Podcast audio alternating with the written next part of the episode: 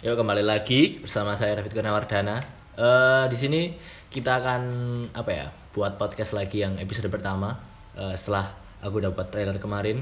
Di sini ada tiga teman-temanku yang katel-katel semua ini. Awalnya siapa?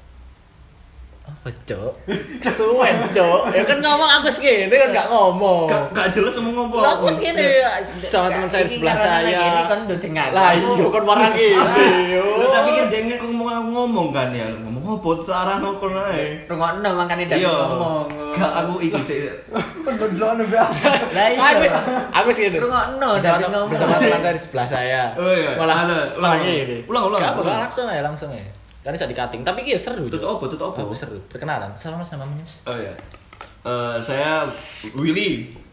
Dan ada satu lagi siapa lagi bos? Saya Ardian Noval. Dan ada satu lagi ini narasumber biasanya terpercaya ya.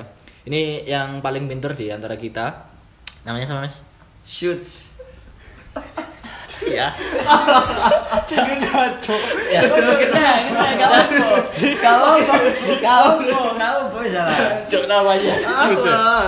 Oke, oke kita bersama bersama Willy, Ardian dan Shoots ya, dan saya David Kurnia. Oke, eh, hari ini kita malam ini kita akan membahas eh, kita sering taat pada peraturan hanya karena takut ya bos ya. Eh, aku tuh loh merasa ya, pas itu tuh kayak apa ya pernah tahu peraturan itu? Kayak apa ya? Kayak ini tuh loh peraturan ini sebetulnya itu kayak apa sih esensinya? Kayak nggak ada tujuannya nggak sih? Menurut, menurut kalian tuh kayak gimana sih sebetulnya?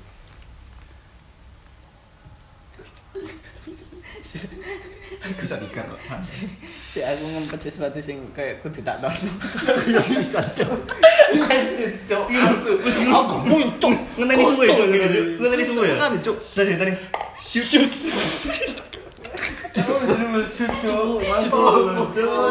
pak pak Kon masih jenenge Johnson, Cuk. aku aku nyelok cover tarak Johnson, Cuk. Johnson Sitohan. N- Nama panggung, aku pengen tuh nama panggung. Ya, Gak apa-apa. Terus nah menurut sebenarnya kalau kalau pemikiranku gitu itu ya menurut menurut Mas tuh sebenarnya gimana sih Eh, kalau buat aku pribadi sih eh, untuk untuk tindakan eh, biasanya memang masyarakat umum itu lebih cenderung eh, taat pada peraturan karena takut akan sanksinya. Coba kalau nggak ada sanksi pasti bisa dilanggar dengan senaknya sendiri. Karena masyarakat nggak tahu sebenarnya apa sih yang melandasi dari adanya peraturan tersebut gitu. Itu kalau pandangan sekilas dari aku sih. Kalau dari Mas Willy gimana? Ya kalau menurut saya sendiri sih gimana ya? Eh, kebanyakan dari kita lupa akan esensi dari peraturan maupun hukum itu tadi.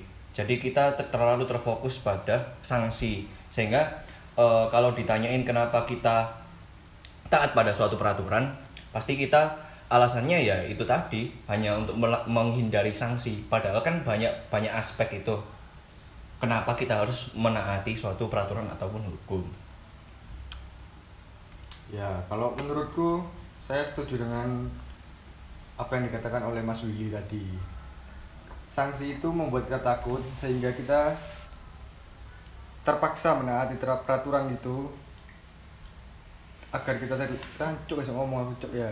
apa apa Lanjut, lanjut. lanjut biar kita itu terhindar dari sanksi yang ada itu loh kan kalau kita melakukan pelanggaran misalnya di lalu lintas mungkin kita melanggar peraturan pasti ada tilang nah kita itu menaati peraturan itu agar kita itu tidak tidak kena tilang bukan karena kita mementingkan keselamatan kita sendiri Nah, betul. Lah kayak kayak misalnya contohnya gini. Eh, paling gampang itu ya. Kayak eh, kita misalnya eh, kuli lah, kuli bangunan misalnya ya. Kuli jamet Jawa. Eh, nah, misalnya eh, kalian kalian pernah nggak sih kayak misalnya ke konstruksi gitu ya, konstruksi bangunan misalnya eh, pembangunan mall atau gedung atau apa gitu ya. Pasti kan kalian kayak pernah lihat itu kayak orang-orangnya ya, pekerja-pekerjanya itu sering nggak pakai alat keselamatan, nggak pakai helm, nggak pakai rompi, nggak pakai boots gitu. Tapi kalau misalnya ada inspeksi kayak mandornya datang atau gimana, pasti semua pakai alat keselamatan. Nah, sebetulnya kan peraturan peraturan peraturan perusahaan untuk eh, memakai alat keselamatan di proyek itu kan sebetulnya kan sudah sudah tertulis dan eh, besar banget kan tulisannya pasti. Nah, tapi eh, mereka juga ya mengabaikan, mereka langsung seenaknya aja. Eh, terus habis itu langsung aja eh, mereka kalau kalau ada yang ngawasi baru mereka eh, pakai karena sebenarnya mereka juga takut kayak disanksi, mereka kayak takut dipecat gitu-gitu sebetulnya. Eh, sebenarnya kalau eh, aku kasih contoh lain sih yang relate dengan kehidupan kita sehari-hari itu contohnya misalkan helm coba kalau misalkan helm itu nggak ada undang-undang yang melarang bahwasanya eh, atau peraturan turunan lah yang melarang bahwasanya eh, dilarang tidak menggunakan helm artinya harus menggunakan helm pasti eh, 90% lebih di atas kita itu eh, banyak lah yang nggak gunain helm. Soalnya pasti gunain helm itu ribet. Sekarang ya, kalau misalkan kita masuk ke jalan kampung atau ke jalan desa, pasti orang-orang nggak ada yang mau helman gitu. Padahal eh, helm itu eh, dibuat untuk melindungi. Jadi nggak nggak melihat ke mana di mana kita pada saat itu entah di jalan protokol yang ada polisi atau di jalan desa itu nggak nggak melihat seperti itu intinya untuk melindungi di mana pun kalau eh, pandangannya dari Mas Willy gimana Ya, eh, bahas helm saya jadi teringat itu helm ilmu. Helm tren-trenan. Jadi kalau helm ilmu kan biasanya kayak apa? Kayak Nah, anak-anak. itu itu bisa jadikan anu loh sebenarnya. Kayak eh, alasan selain kita takut terhadap hukum. Kalau misal helm ya eh misal trennya sekarang kita pakai helm-helm bogo car gloss. Jadi kesannya kita memakai helm hanya untuk eh, sebagai apa ya bisa dikatakan mode fashion, Fashion aja. ya, fashion jadinya ke fashion aja sih. Iya sih sebetulnya sebetulnya makanya kenapa ya Ka- kayak apa ya kayak kalian tahu gak sih kalau kalau di barat itu ya kalau di barat orang naik motor itu biasanya tuh pakai jaket pakai kaos tangan helmnya full face kayak Julvian langsung kan? Sandalan sandalan nah biasanya kalau orang barat itu semuanya tuh lengkap. Helm jaket kaos tangan sepatu. Tapi loh kalau kita loh yes cuma helman aja. Kayak kita tuh kesannya tuh ya naik motor kalau mau nggak ditilang ya harus pakai helm biar nggak ditilang gitu loh. Kebetulan kalau sekarang covid pakai masker nggak betul pakai helm. betul betul. Jadi kayak kalau ada kayak wah pakai buku kelihatan ganteng jadi ikut ikutan pakai fashion. Sebenarnya alasannya kenapa sih kalau kita itu kita itu eh, takut sama peraturan eh, kita itu naatin peraturan hanya karena takut? Eh, ngomong. Oh, kenapa kita naatin peraturan hanya karena takut? Menurutmu Bo? ya mungkin kita itu kan melihat itu cuman kayak nyat sanksinya doang. Jadi mungkin dari yang membuat peraturan sendiri kurang edukasi mengapa seharusnya kita tuh pakai helm? Hanya memberi takut kepada masyarakat terhadap sanksi yang akan diberikan kalau tidak memakai helm. Mungkin ya karena edu- edukasinya tersebut aja kurang gitu loh. Makanya kita itu hanya menaati peraturan karena takut terhadap sanksi yang diberikan. Gitu sih kalau aku pribadi sih itu kayak punya semacam solusi ya. Hmm. gini eh, buat siapa pun yang membuat aturan itu harus bisa mensosialisasikan secara masif. Hmm, iya, iya. apa sih alasan dibalik kenapa kok ada peraturan itu gitu? Betul, betul, betul. contoh yang sampai sekarang aku belum nemu apa ya? Kayak alasannya gitu. Contoh ini peraturan di sekolah Nah, tentang ini. pelarangan sepatu berwarna. Aneh aneh kan aneh. Itu kan aneh, gitu. Iya, iya, itu iya, kan iya. aneh banget gitu. Nah padahal kalau kita pikir ya sepatu misal pakai sepatu warna pink apa itu mengganggu prestasi siswa? Ya enggak betul, sih betul. betul. padahal kalau ditanyain kenapa pakai sepatu warna pink ya? Flexing aja. Nah iya. Ya kan? Gak ada urusannya sama kepintaran Eh, sama intelijensi ya nggak nggak masuk sih warna sepatu gitu. rambut yang panjang itu termasuk nggak sih seharusnya iya Heeh. itu kenapa harus kayak kalau panjang di petal nah iya iya iya itu apa kenapa kok harus kayak gitu Hmm. sing, Pad- sing metal kereng bisa lah iya Welek bisa njuk potongan. Kontol ya. Guru-guru salah. untuk guru-guru yang metal, tolong Anda sebelum metal lu belajar dulu di El Capitano.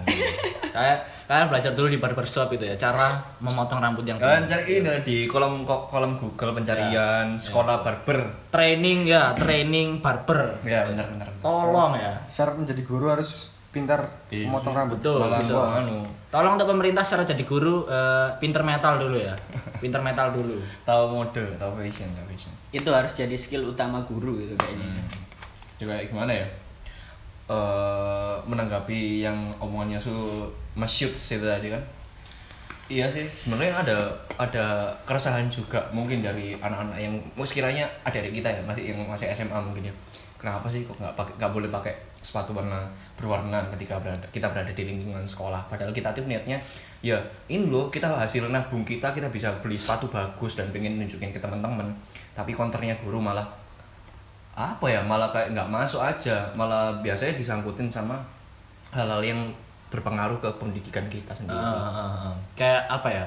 Semua hal yang yang apa ya? Sebenarnya itu nggak relate sama pendidikan sama prestasi kita sama istilahnya kemampuan belajar kita itu kadang-kadang dijadikan dijadikan hal utama gitu jadi attention jadi spotlight gitu. Eh, aku mau pengen tanya eh ke kalian ya kayak eh, mungkin nggak sih? Kayak ya terserah. Kayak apa gak sih? Mungkin nggak sih? Kita itu kok kita? Bukan. Yang peraturan-peraturan itu tadi ada karena tradisi lama. Kayak misal di zamannya eh, ibu guru bapak guru kita itu emang udah ada peraturan itu Mungkin, tadi. mungkin ya, mungkin ya. Ada- dan dijadikan mungkin ya mungkin. Nggak mau suuzon kayak ajang kayak balas dendam Iya. nah gitu. Kayak, kayak turun temurun ya kayak kayak osis ke adik-adik gitu-gitu ya. Kayak apa cutting kalau di kuliah gitu-gitu. Iya, iya, iya. adanya apa gap eh, apa ya gap culture lah istilahnya ya.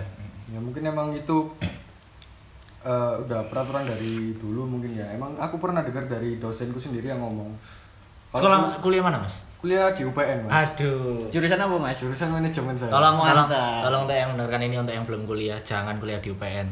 UPN jelek soalnya. Ya, Oke. daripada UGM D4 ya Nanti dapat gelarnya setir. ayo mau dikat mang Oh, dikat ini kapan di enggak usah lah, apa bagus. ya kan mungkin jelek Oh, Lain-lain. Pengen dari bagus dosen saya sendiri saya pernah mendengar beliau mengatakan kalau kita itu nggak usah ikut-ikut budaya barat yang memakai seragam terserah mau pakai hoodie pakai kaos. Ya karena kita tuh udah dari dulu eh, kita harus pakai seragam nanti peraturan yang ada di sekolah kayak harus sepatu hitam harus celana panjang harus pakai seragam sekolah putih. Hmm. tapi yang menurutku kalau untuk pe- perkembangan zaman sekarang ya mungkin itu nggak nggak terlalu perlu gitu loh. Mungkin kalau Iya, seragam betul, betul. seragam masih boleh lah. Tapi untuk kayak sepatu gitu ya kan ya. Masa sepatu harus hitam semua Hmm, gitu loh. kan sekarang juga sepatu yang beredar di masyarakat juga nggak semuanya hitam. Ada yang warna lain. Iya kan nggak mungkin kan fans ngeluarin hitam terus dan dan mungkin masyarakat dan mungkin itu loh pasar Indonesia. eh, kalau kalau kayak sepatu ya kayak sepatu misalnya. Itu tuh kan juga ada faktor kenyamanan tuh Iya iya. Iya, benar, iya. benar. benar. Kalau pakai misalnya fa- eh, sepatu harus pantofel. Nah, kalau ada kayak anak yang misalnya, aduh pak nggak nyaman pak, nggak boleh. Ini peraturan sekolah. Kalau misal kakinya kapalan, Betul. masa Nah, kan- nyaman pakai Kalau misal pantofel. cacat gimana? Lu nggak pakai nggak pakai sepatu kalau itu ya. itu pakai kursi roda. Pakai kursi roda. Didorong temennya ya. Ya, pikup. Iya. Kursi rodanya harus warna hitam. Iya, kursi roda. Nah, semuanya kalau kalau misalnya kayak gitu kan juga juga susah sih sebetulnya karena eh, kadang guru-guru itu melihat bahwa ah udahlah ikutin aja ikutin aja ikutin aja ikutin aja biar nggak dimarahin ikutin aja biar nggak dimarahin. Nah ini itu sebenarnya eh, berangkat dari juga peraturan rumah orang tua kita yang buat kan. Kayak jangan keluar malam jangan keluar sore nanti di di gondol hantu gitu Ah, iya, iya. kan. Eh, di bawah Maghrib, hantu. maghrib, ya. Hmm, jangan keluar sampai maghrib nanti di bawah hantu. Nah itu kalau kalau kalau kalau aku dulu ya kalau aku dulu kalian pernah nggak sih kayak misalnya tanya kenapa kok nggak boleh? gitu. Mm-mm. pasti jawabannya apa? Wis ikutin aja gitu. Jadi itu tuh kayak eh, tumbuh bersama kita saat dewasa gitu loh. Kayak kita tuh akhirnya eh, sifat apa ya sifat kritis kita itu mati. Karena kita kita terbiasa oleh wis ikutin aja ikutin aja ikutin aja.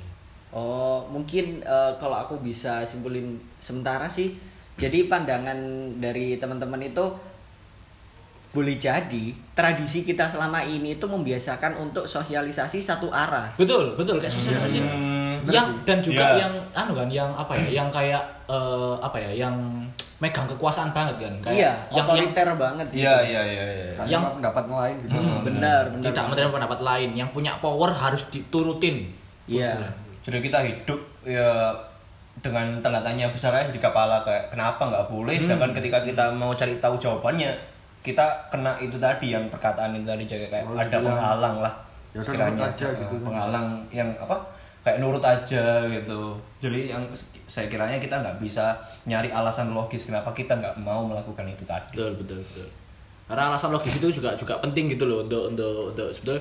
Makanya Indonesia ini kan kenapa eh, edukasinya ini rendah?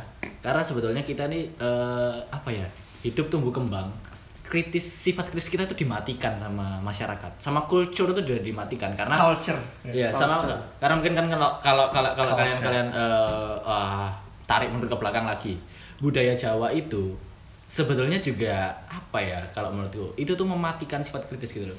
Kenapa? Karena kalau misalnya kita kita tanya, kita istilahnya ya, kalau anak kecil tanya, itu kan ceplos-ceplos kan. iya ya Langsung kan, ya kan? Mm. Kayak eh, wis langsung apa adanya tanya. Nah, tapi kalau di budaya Jawa itu kita gitu kayak dipaksa harus berpikir dulu. Sopan nggak ini ditanyakan? Eh, patut nggak ini ditanyakan? Tapi sebetulnya hakikatnya itu kan harusnya kan kita kita boleh kan tanya apa aja. Gitu loh. Karena kita kita kita pengen tahu gitu loh.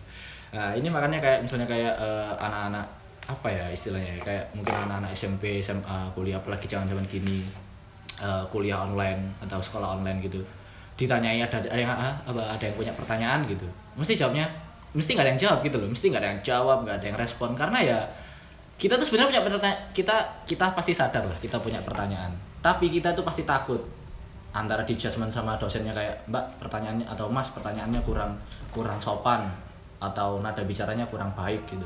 Nah sebenarnya kan kita kan nggak perlu kan eh, untuk nge-spotlight itu seharusnya kan tinggal dosennya tinggal oh terima kasih pertanyaannya jawab gitu loh nah tapi karena juga kita udah udah telat gitu ya udah udah telat eh, tumbuh kembangnya akhirnya ya kayak gitu eh, efeknya itu menurutku Iya sih, aku juga setuju sih kalau eh, kebebasan berpendapat atau berpikir kita itu sebenarnya dibatasi oleh kultur budaya, kultur atau budaya. Dan aku juga tertarik buat bahas terkait dengan pemerintahan. Hmm. Cenderungnya tuh kan eh, apa ya? Iya, Apa ya, apa ya? Pemerintah Gimana? itu kan apa ya? Selalu di spotlight bahwasannya otoriter, selalu sosialisasi satu arah. Eh, nggak nggak apa ya selalu ketika mensosialisasikan kalau melawan ada sanksinya seperti UU ITE dan lain-lain nah boleh jadi kebiasaan pemerintah yang seperti itu itu sebenarnya adalah budaya dari bangsa kita sendiri mungkin mungkin. Possibility-nya tinggi banget itu. Iya iya bener kan ya? Kayak Iya. UU yang kamu bahas tadi itu maksudnya. Iya contohnya UU ITE itu. Malah jatuhnya yang barusan-barusan ini yang eh, ini suuzonku aja tapi tolong tolong iya jaga-jaga kalau misal ada Eh, orang polisi dengar bisa. nah, misal kayak gitu kan. Coba deh, setengah orang kayak polisi deh. jokes jokes jokes jokes yang hampir mati ya. Apa, eh, malah seuzonku gini shoots kayak jangan-jangan pemerintah eh, itu minta dikritik itu malah jadi ajang jebakan aja Nah itu makanya kayak saudara Rocky Gerung itu mengatakan bahwasanya hati-hati itu jebakan Batman. Nah, oh bilang gitu Iya bilang Oh. gitu, gitu. Karena ya nggak konsisten gitu loh. Banyak kebebasan berpendapat yang dikekang, tapi kenapa kok mengatakan bahwasannya eh, pemerintah itu butuh kritik lagi gitu? iya iya iya. gimana Ya, ya menurut kayak kayak apalagi kayak pemerintahan ya misalnya. Eh, kita ambil contoh gampang. itu aja. tadi pemerintahan Tibet Ya, pemerintahan Tibet ya. Kita kalau Indonesia mah santai. Pemerintahnya itu mengayomi masyarakat. Benar benar. Eh, hukumnya sangat- sangat hukumnya sangat sangat ini bahas bagus Tibet sekali. itu tadi barusan Hmm, teman-teman betul betul. Hukumnya Indonesia kan sangat memperhatikan kan. Ini itu hukum Tibet. Soalnya kalau kita eh, bahas hukum Indonesia kita diciduk nanti ya. ya. Ya ini untuk menjilat pemerintah Indonesia aja. Ya, Ya, kita kita sangat mendukung pemerintah Indonesia. Walaupun agak kopler ya pemerintahnya. agak congok ya Agak congok memang. Orang-orang di dalamnya itu loh, kualitas SDM-nya itu loh. Anjing emang. Iya. Semua orang nggak kompeten itu ada di pemerintah. tangkap nanti Iya. kira ditangkap Iya, nanti kita ditangkap gak apa-apa. Tibet kan Tibet. ya, Jauh, ini- jauh, jauh. ini podcast pertama dan terakhir ya Nah, ini adalah podcast pertama dan terakhir. Eh, mungkin kalau teman-teman mau jenguk kita, kita ada di penjara ya, Sidoarjo ya, sebelahnya Iya. belakangnya belakangnya Masjid Agung. yang ada cuci motornya itu ya Nah, kalau kalau kita lihat ya, pemerintah Indonesia misalnya, buat kebijakan kita kita tarik mundur lagi, demo. Demo itu sebenarnya demo yang kita ambil contoh demo apa itu eh, yang melemahkan KPK nggak sih itu? Oh iya RUU PKS. itu apa? Eh, RUU KUHP. KUHP. Itu. Nah, itu kan itu kan ada ada kayak kayak berita-berita bahwa KPK itu akan dilemahkan gitu. KPK akan di Gembosi. digembosi, bisa jadi digembosi. Nah, kita itu sebagai eh, dan mahasiswa turun ke jalan itu tanya, kenapa kok KPK digitukan dan Iya, iya, iya. dan apakah langkah ini tepat diambil pemerintah? Tapi apa pemerintah? Diam dan cenderung tidak mau menjawab. dan cenderung biasanya menyalahkan bahwasanya demo itu nggak demokratis padahal ada loh undang-undang yang apa Atur demo. yang iya benar mengatur demo bahwasanya eh, cara untuk menyampaikan berpendapat di muka umum itu bisa melalui pawai Iya, bisa iya. melalui demonstrasi Iya, dan iya. lain-lain ada itu cuman ya nggak hafal aja undang-undangnya karena karena pemerintahan kita juga terlalu represif ya. Ya sangat sangat jelas yang postingannya Bapak Anies yang barusan-barusan ini yang sambil membaca buku berjudulkan How Democracy Die. iya benar itu benar itu sebetulnya juga eh, apa ya mungkin Pak Anies sendiri juga eh, sudah jenuh ya melihat pemerintahan juga apalagi Jakarta juga Pak Anies mungkin malas bikin podcast kayak kami. iya Pak Anies nggak ada waktu sibuk Pak Anies Banjir, banjir, banjir. Pak Anies sibuk ngurusin air ya. Suruh air Pak Anies masih memusuhin Ahok bebaskan Ahok oh, bebaskan Jerry Meki temanku ma- banjir. Oleh. Cuk, goblok, cuk. Gitu kan gue. Terus Maaf ya, maaf ya. kayak eh, makanya kan eh, itu tuh juga jadi sebenarnya ini juga kembali lagi dilema sih dan juga kita kayak ngerogoh apa ya kan ngerogoh itu bahasa Indonesia apa ya? Kayak kayak ngecekin diri kita sendiri. Kita kita target ke diri kita sendiri juga. Sebenarnya kita harus bertanya-tanya sih eh, apakah memang kita itu sebenarnya sudah sadar bahwa kita itu menaati peraturan karena memang kita mengerti esensi peraturan. Iya, iya, iya. dan karena kita juga eh, tahu bahwa pentingnya peraturan itu untuk ditaati Hmm. itu gimana. Atau kita tuh cuma takut oleh sanksi yang eh, ada di peraturan tersebut gitu loh. Jadi sebenarnya eh, memang ini tuh betul-betul kalau mau dibikin podcast satu jam ya bisa aja. Tapi kan karena Keterbatasan. keterbatasan waktu juga ya. Loh, yang tadi aku mau oh, yang sebenarnya penasaran yang tadi kamu bahas perihal yang budaya Jawa itu jangan uh, uh, kalau menurutku ya itu kayak uh, sebenarnya boleh nggak sih kayak jadi menjadikan uh, budaya sebagai alasan buat membentengin kita sendiri gitu? Jadi kayak aku nggak berani tanya langsung ke orang tua dengan bahasa pergaulan. Hanya karena ya memang nggak boleh karena itu tradisinya nggak kayak gitu. Alasannya kan mungkin seperti ya, itu ya. biasanya kan jawabannya argumennya. jawabannya pasti itu ya? Argumennya Ya. pasti kayak gitu kan. Udah seperti itu dari dulu gitu. Hmm, dulu. Nggak sopan loh nggak sopannya itu yang sebelah mana? Eh, Dan- ada nggak sih nggak sopan? dan juga alasannya itu sebetulnya karena Indonesia ini negara timur ya kan bukan negara barat. Maksudnya istilahnya kita itu memang menjunjung betul-betul budaya kita.